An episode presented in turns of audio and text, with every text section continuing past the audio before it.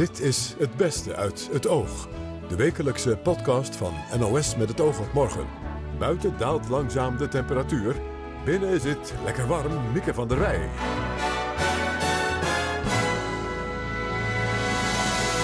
Fijn dat u de podcast weer beluistert. Deze keer hebben wij Dirk Stegeman, predikant van de Bethelkapel in Den Haag, waar al drie weken een non-stop kerkdienst bezig is om te voorkomen dat een Armeens gezin wordt uitgezet.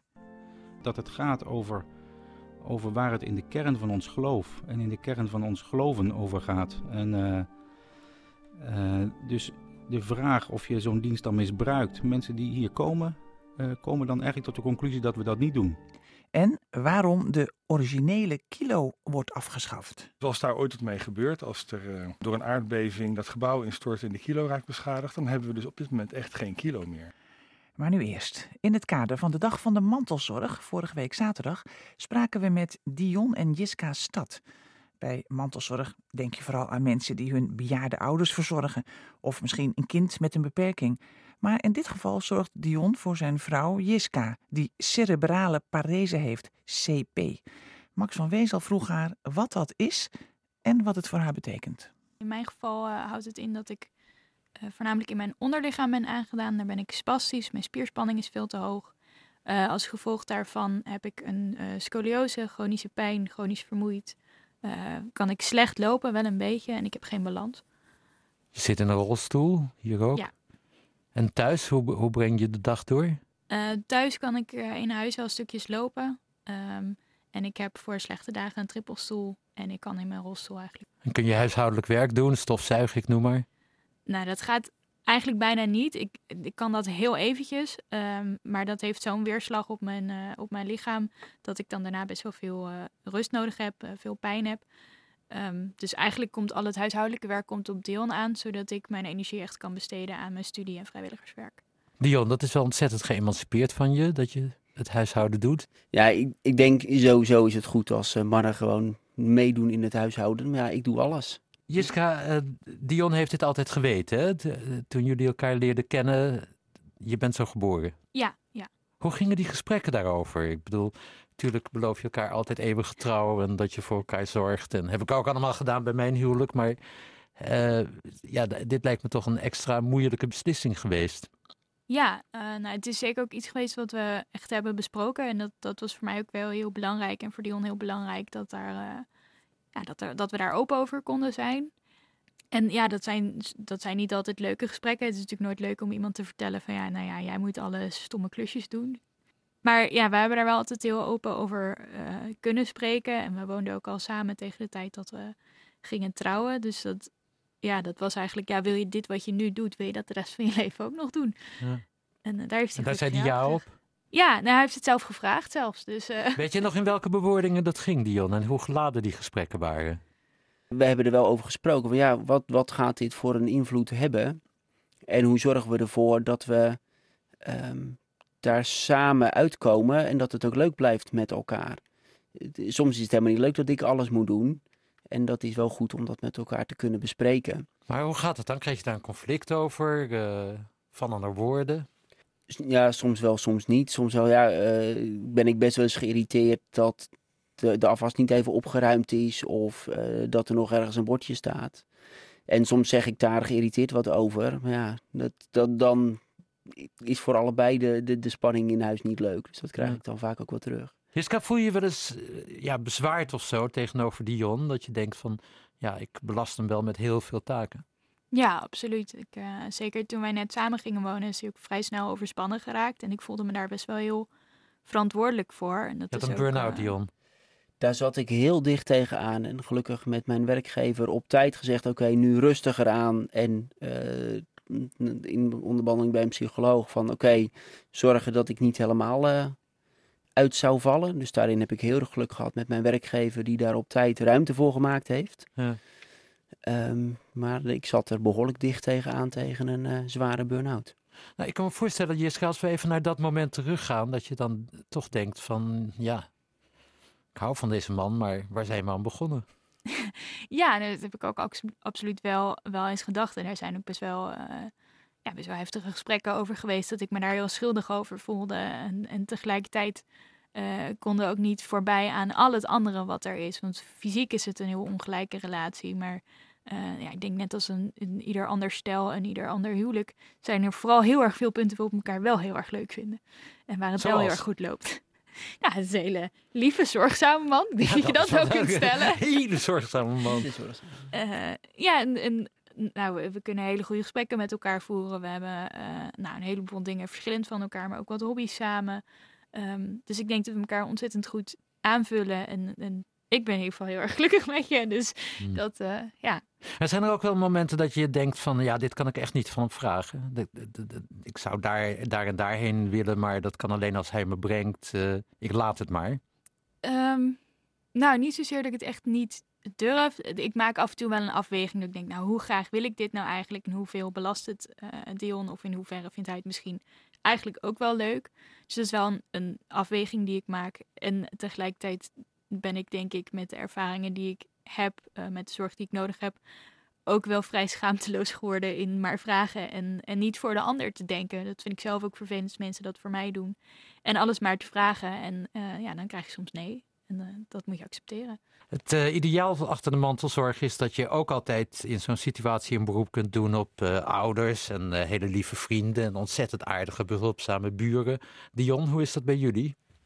We doen op uh, Jiska's ouders nog wel eens een beroep als je ergens naartoe wil, naar het UWV of iets dergelijks. En bij de buren, we hebben best wel aardig contact met onze buren. Maar om dat nou altijd te vragen, je, is het eh, een keer op korte termijn, dan kan het wel, maar het gebeurt wel vaker. Jiska, dat maakt het lastiger. Dan staan jullie er toch behoorlijk alleen voor met z'n tweeën. Ja, best wel. Ik uh, merk ook wel, ik, ik kan vrij veel. En het nadeel daarvan is dat we ook buiten een heleboel regelingen vallen. Um, bijvoorbeeld de dame gisteren die kon PGB krijgen voor haar dochter. Ja, daar ben ik te gezond voor. Maar dat betekent zeker als er uh, ja, onverwachte dingen gebeuren. Laatst viel de verwarming bij ons thuis uit. Nu was het zo koud uh, dat al mijn spieren helemaal uh, um, ja, onbeweegbaar waren, zeg maar. Ja, dan, dan moet ik aangekleed worden. Dan moet ik gedoucht worden. En dan is het dan heeft Dion gelukkig nu een hele fijne werkgever waar die dat op het laatste moment aan kan geven. Maar dat zijn niet dingen waar je even voor bij de buren aanbelt. Ja, mijn vrouw ligt in bed en die kan helemaal niks meer. Kunnen jullie niet even uh, helpen? Dat zijn ook allemaal studenten. Het was de dag van de mantelzorg uh, vandaag. Ehm, een, een van de vragen die vandaag werden gesteld was: is er genoeg ondersteuning van de kant van de overheid, bijvoorbeeld voor, voor mantelzorgers? Is dat er, voldoende ondersteuning? Er zijn een heleboel regelingen. En wat ik vooral vaak zie is respijtzorg, waar best wel op in wordt gezet. Dus dat is dat iemand anders de zorg even over kan nemen. En ik denk dat dat iets heel goeds is. Maar voor ons werkt dat niet. Ik zou respijtzorg willen voor de hulp in de, voor de huishouding. Maar daarvoor verdienen we net te veel. Verdien ik net te veel. Dus krijg je geen hulp in huishouding. Wat Terwijl, zou er anders moeten, vind je? ik denk dat die regelingen uh, minder strak moeten, meer op de uh, persoon gericht en kijken.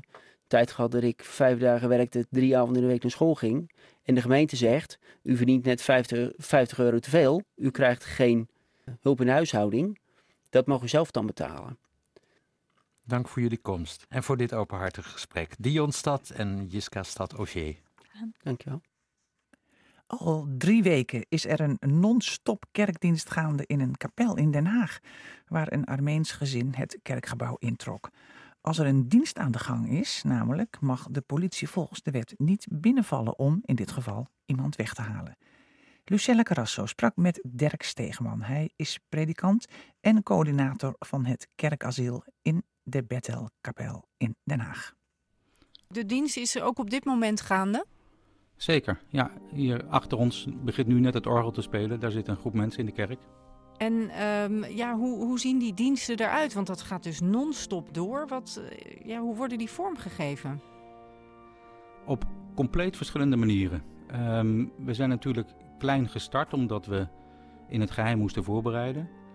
Uh, maar toen we eenmaal gestart waren, hebben we uh, dat breed bekendgemaakt. En er zijn nu zo'n 350 voorgangers uit het hele land die die diensten helpen te dragen en te draaien. En die geven dat allemaal weer op hun eigen manier vorm. En, en Ehm, we horen met nu orgel, of met ja. piano of met eh, meditatieve vieringen, stilte, eh, lezingen, eh, gesprekken. Alles, alles maken we hier mee. Want waar moet een, een dienst volgens de wet aan voldoen? Zijn er criteria? Ehm, nee, gelukkig niet. Want eh, de dat scheiding van kerk en staat Nee, maar ik zit even te denken onder van- dat er... Ja, de wet zegt je mag bij, tijdens een dienst niet binnenvallen. Maar wat verstaan ze dan onder een dienst?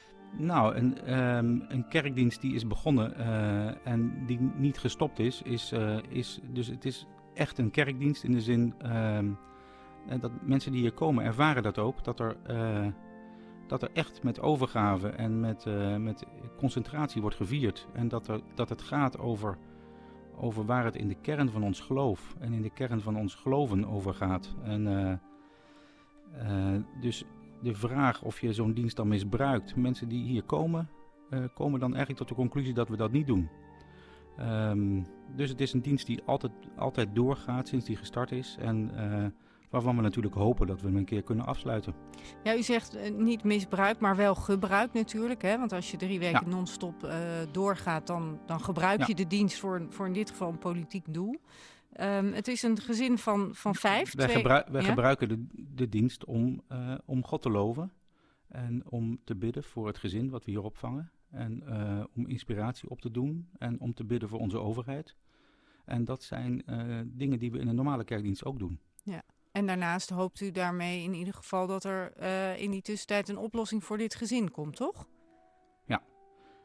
Dat is nadrukkelijk een van de doelen eh, die we ons als protestantse kerk in Den Haag hebben gesteld. Het, eh, het, de, de mogelijkheid van zo'n dienst eh, om een adempauze te creëren en in die adempauze ook op te roepen tot bezinning en in gesprek te gaan met de overheid en de politiek. Nou, dat zijn dingen die, die ook gebeuren, die we ook aan het doen zijn. Ja, want u, u heeft contact met de staatssecretaris Harbers, die hierover gaat.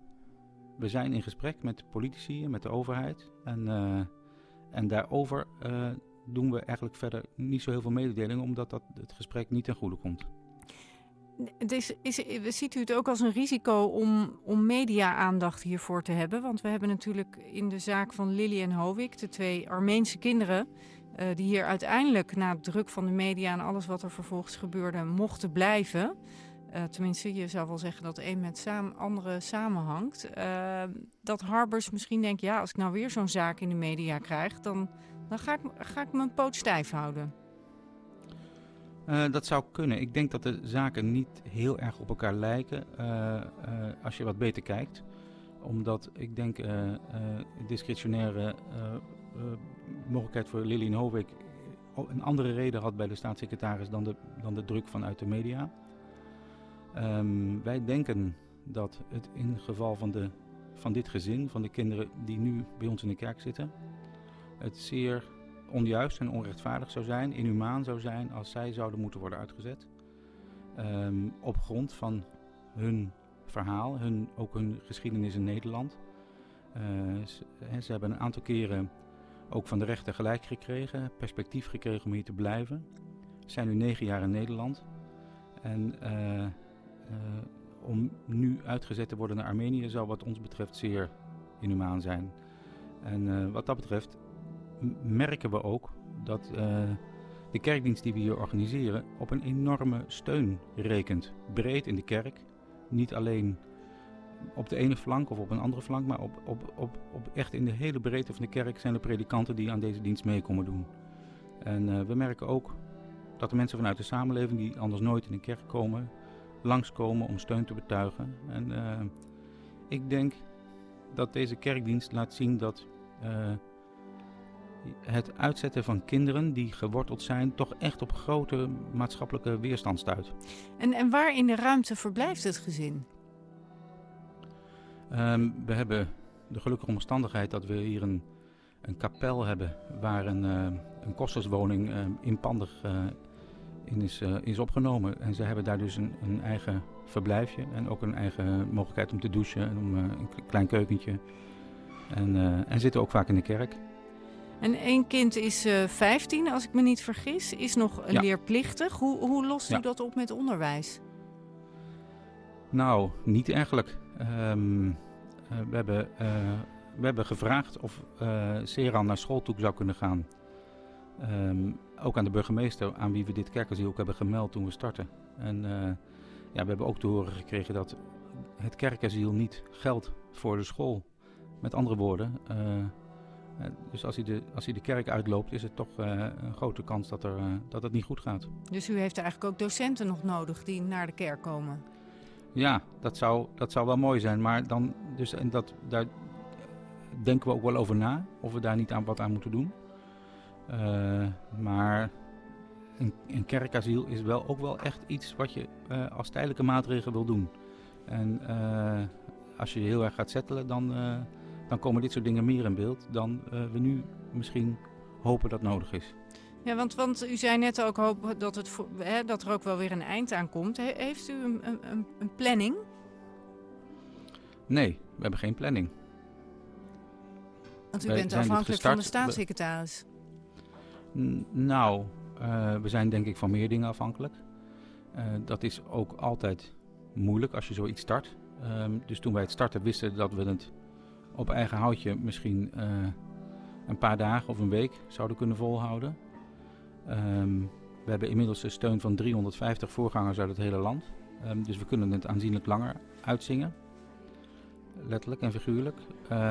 Maar je weet als je zoiets start dat je niet moet zeggen we stoppen pas als of we gaan net zo lang door totdat. En je weet ook uh, dat je het misschien op een gegeven moment niet meer volhoudt. Of dat het op een gegeven moment voor het gezin niet meer houdbaar wordt. Nee, want er zit natuurlijk bij het, bij het opnemen voor een gezin of voor mensen die hè, volgens de wet moeten worden uitgezet. Uh, natuurlijk ook altijd het risico uh, dat je ze valse hoop geeft. He, heeft u het daar met ze over gehad?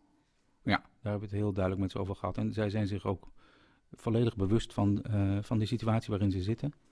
En ook van het feit dat we op geen enkele manier een garantie kunnen bieden dat dit nou tot een oplossing leidt we hebben wel samen goede hoop dat er, dat er echt een perspectief kan komen. Om, omdat dit verhaal van dit gezin zo sterk is. Als deze kinderen niet voor kinderpardon in aanmerking zouden komen, dan, uh, dan zijn er in Nederland misschien wel helemaal geen kinderen meer uh, die dat wel doen. Nou, u maakt zich daar uh, sterk voor, zoals u zei. u bent in gesprek met de overheid hierover. Ehm, wij, wij wachten af, uiteraard, hoe dat verder gaat, meneer Stegeman. Dank dat wij met u konden spreken vanuit de kapel in Den Haag. Ja, heerlijk. Dat orgel en dat psalmengezang op de achtergrond. Dat zal niet vaak gebeuren bij een oogitem. We gaan naar Amsterdam. Wie nu Amsterdam bezoekt, kan het s'avonds zien op het Museumplein. De woorden van Vincent van Gogh. Ze worden door lantaarnpalen op straat geschenen. En ook is er een speciale podcast van het Van Gogh Museum waar brieven van de kunstenaar worden voorgelezen door bekende Nederlanders. Schrijver Ted van Lieshout en schrijver, acteur, rapper Aquasi hebben dat onder andere gedaan. De brief die Aquasi las was het antwoord van Van Gogh aan een collega kunstenaar toen die kritiek had op de aardappeleters. Nu noemt gij dat ensemble van mijn werk uiterst zwak en toont lang en breed aan dat de fouten de kwaliteiten overtreffen. Zo over mijn werk, zo over mijn persoon. Wel nu, en dat accepteer ik niet. Bepaald niet. Het werk in kwestie, het schilderen van de boeren, is een zo zwaar werk dat de uiterst zwakken er niet eens aan beginnen. Maar ik maak steeds wat ik nog niet kan om het te leren kunnen. Ja, ik ja, je lachen terwijl je dit hoort. ja. Ik glunder een beetje als ik het hoor, want ik moest, ja, hoe zou Van Gogh klinken vandaag de dag? Daar dacht ik eerder aan. En, maar die zin, dat is echt een kernzin voor mij geworden.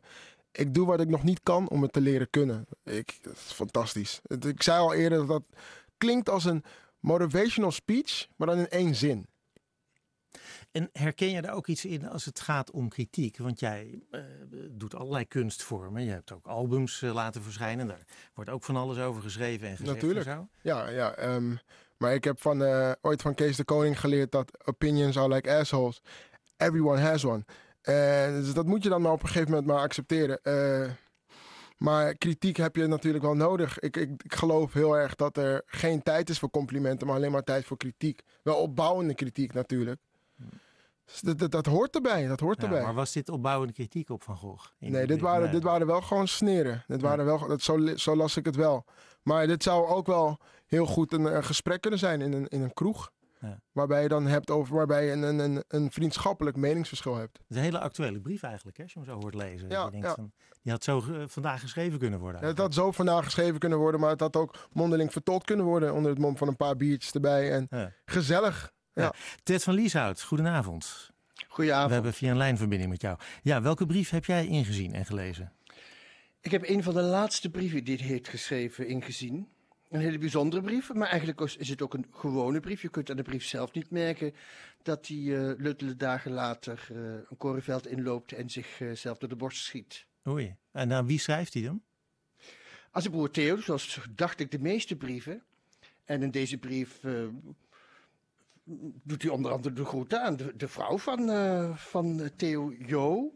En heeft het over zijn moeder en over drie schilderijen die hij aan het maken is over korenvelden. Ja, ook uit die brief laten we heel even een klein stukje uit jouw podcast horen. Weer hier voelde ook ik me nog erg neergeslagen en voelde ik de storm die jullie bedreigt ook op mij blijven drukken. Wat te doen? Kijk, ik probeer gewoonlijk tamelijk goed gehumeurd te zijn, maar ook mijn leven is aan de wortel aangetast. Ook ik sta niet meer stevig op mijn benen. Ik was bang, niet heel erg, maar toch wel een beetje, dat ik een bedreiging voor jullie vormde, omdat ik op jullie kosten leef. Maar de brief van Jo is voor mij het levende bewijs dat jullie heel goed beseffen dat ik van mijn kant net zo hard werk en ploeter als jullie. Is het een neerslachtige brief, Ted, of niet? Vind ik niet. De brief krijgt natuurlijk lading doordat het één van de laatste, of misschien is het wel de laatste brief, of het de ene laatste brief is.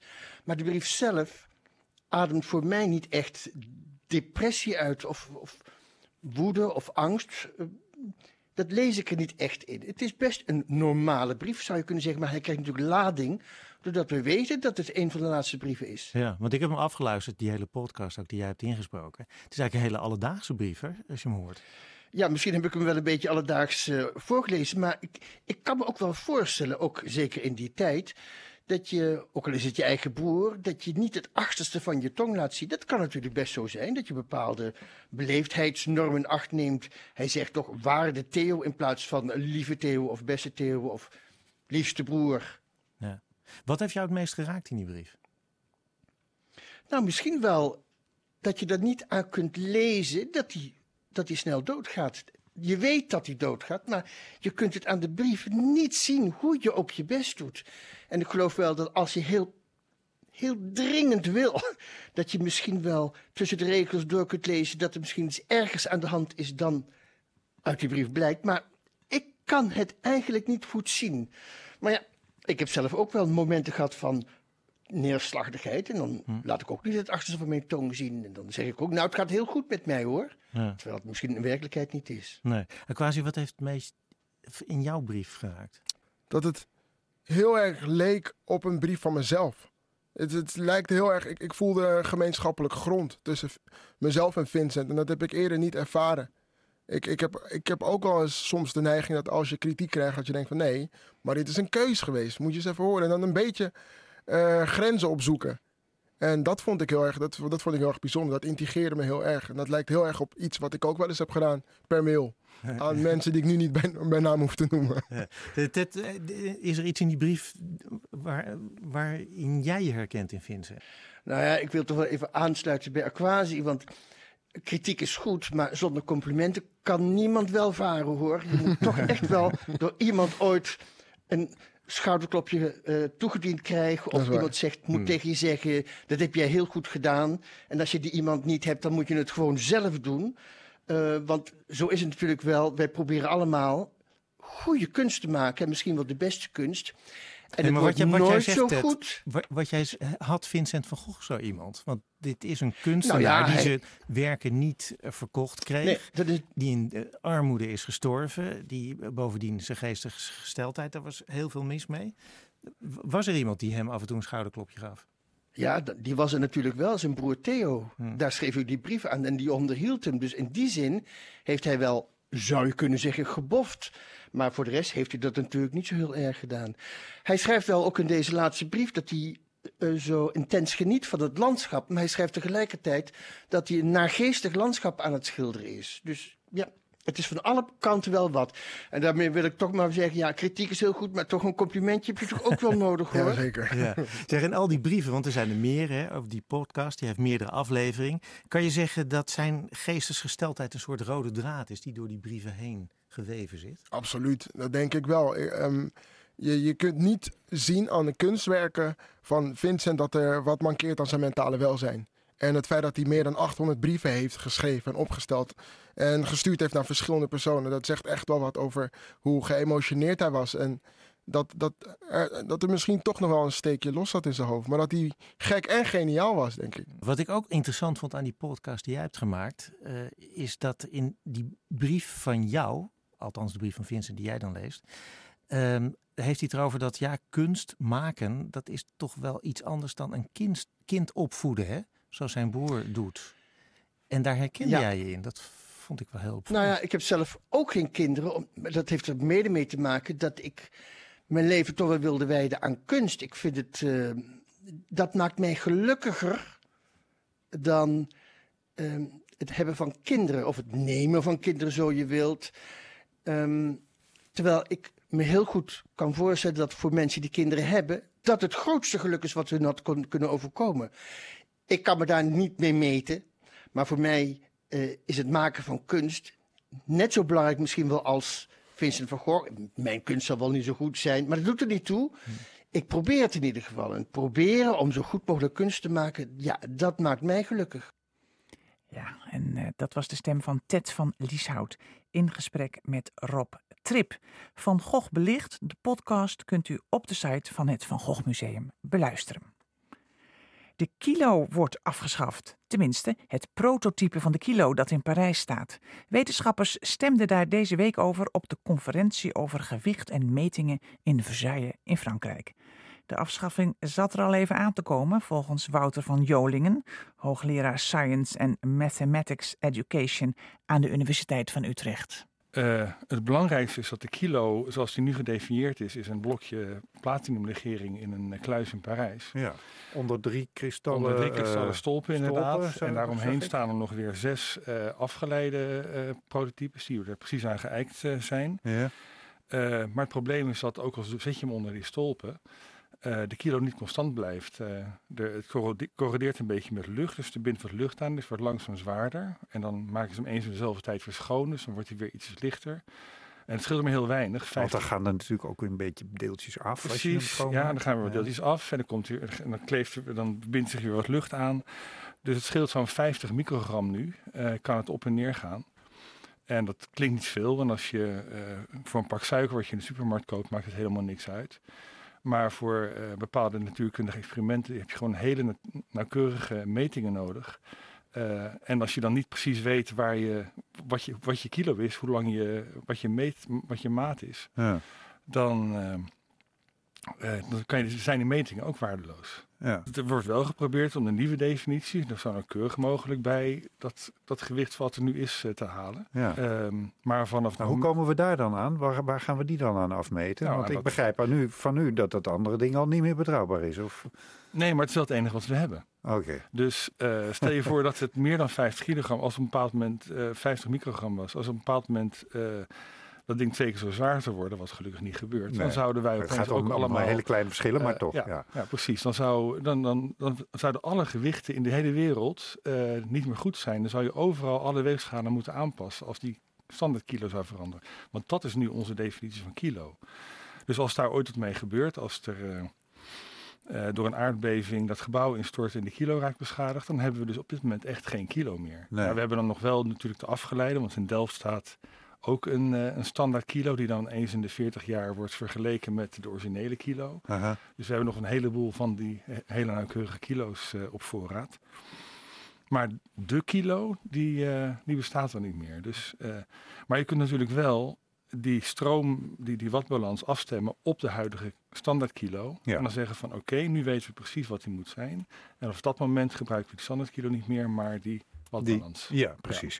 Dat begrijp ik. Eh, en dan begrijp ik ook dat dat, dat niet eh, bij, de, bij de kruidenier eh, boven de weegschaal eh, gaat, gaat hangen, die Nee. stroomdraad. Maar wa- waar, waarvoor is het eigenlijk belangrijk? Want ik word niet graag opgelicht, maar als het, als het niet helemaal een kilo suiker is, maar een paar mi- scheelt- microgrammen Het minder. minder dan een korrel suiker op die kilo. Ja, dus, daarom. veel minder zelfs. Nou, er zijn een heleboel natuurkundige experimenten. En dan moet je niet alleen denken aan dingen waar gewicht een rol speelt, maar ook waar energie een rol speelt. Want de eenheid van energie is weer afgeleid van de kilo ook weer. En de kilo is een zogenaamde basiseenheid.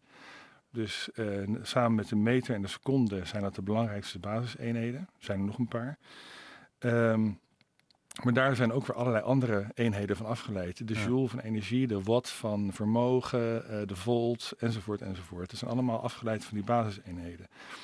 En ehm, nou, bijvoorbeeld bij eh, grote natuurkundige experimenten, zoals in CERN bijvoorbeeld, waar ze de, aan elementaire deeltjes eh, botsingsproeven doen, daarvoor is een hele grote nauwkeurigheid belangrijk. Dus als je je basiseenheden niet nauwkeurig genoeg gedefinieerd zijn, dan kan je Hmm. ook niet nauwkeurig genoeg dat soort experimenten doen. Nee. Maar ehm, nu gaat de, de, de kilo er dus aan. Of althans, we gaan hem, we gaan hem anders eiken. Eh, met, met de meter. De meter was. Het is allemaal bedacht eh, na de Franse Revolutie. Hè? Die kilo en, en de meter. Het hele metrische stelsel. Om, Ja. Omdat we natuurlijk allemaal samen gingen doen in Europa toen eigenlijk. Daar, daar ging het over. Ehm, die meter hebben we er al eerder aangegeven. Ja, dat, was, dat was 1983. gewoon een, een metalen staaf. Wat hebben we daarvan in de plaats gekregen? Eh, de meter is oorspronkelijk begonnen als een, eh een 10 miljoenste deel van de afstand van de Evenaar tot de Noordpool. Eh, nou, dat bleken ze niet nauwkeurig genoeg te kunnen meten. Toen is het inderdaad een metalen staaf met twee streepjes geworden.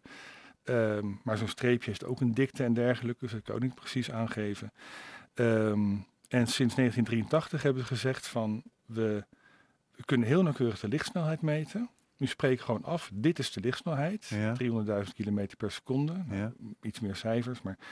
En, eh, en nu gebruiken we eigenlijk de lichtsnelheid als eikmaat voor de meter. Dus we, we keren het om. Eh, dus we zeggen, die lichtsnelheid, daarvan weten we overal in het, eh, in het heelal, wat we, wat we weten, is die, is die hetzelfde altijd.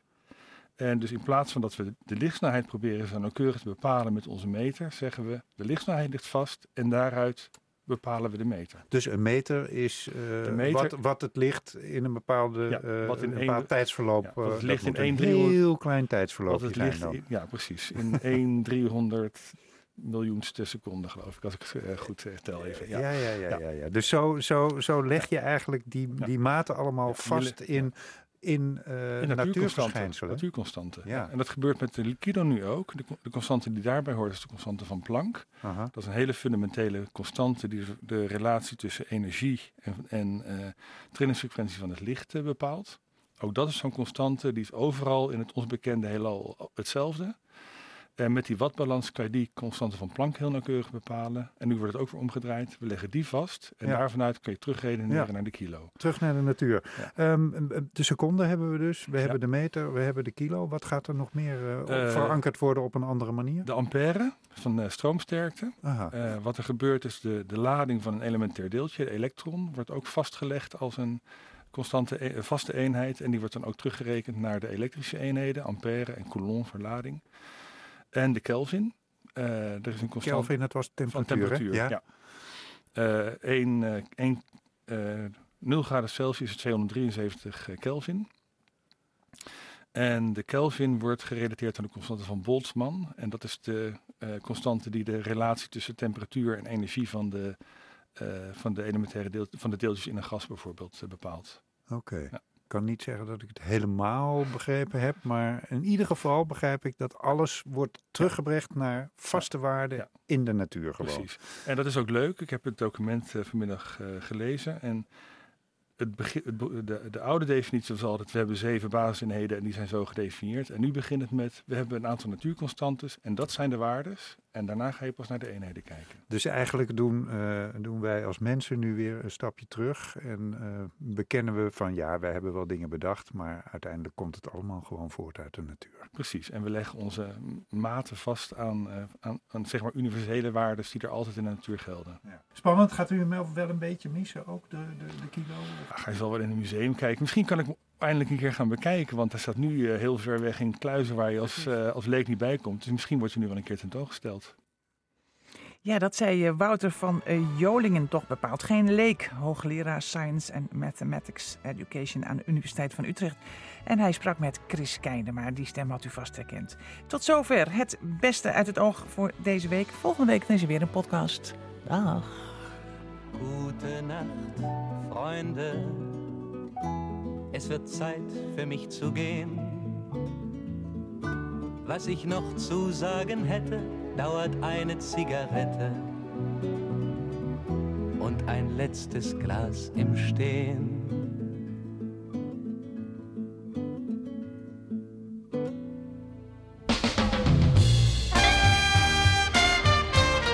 NOS met het oog op morgen presenteert de stemming van Wuddingse en Van Wezel. De doorsnee systematiek. Daar zijn nee, daar zijn niet doen waar ik bij ben. Daar zijn veertigers zoals ik de klos. De best ingevoerde podcast van het Binnenhof. het is zeer de vraag of dat zo is. Er zijn allemaal rapporten van het Sociaal en Cultureel Planbureau die dat tegenspreken. Met Joost Vullings. Ja, ja, daar sta je dan al een hele nacht op te wachten. Op dit soort teksten. En Max van Wezel. Nou, je kunt ook in Europa natuurlijk tot heel veel gaatjes proberen te gaan. Met de persoon van de week. Dan krijgen we opnieuw een multicultureel drama.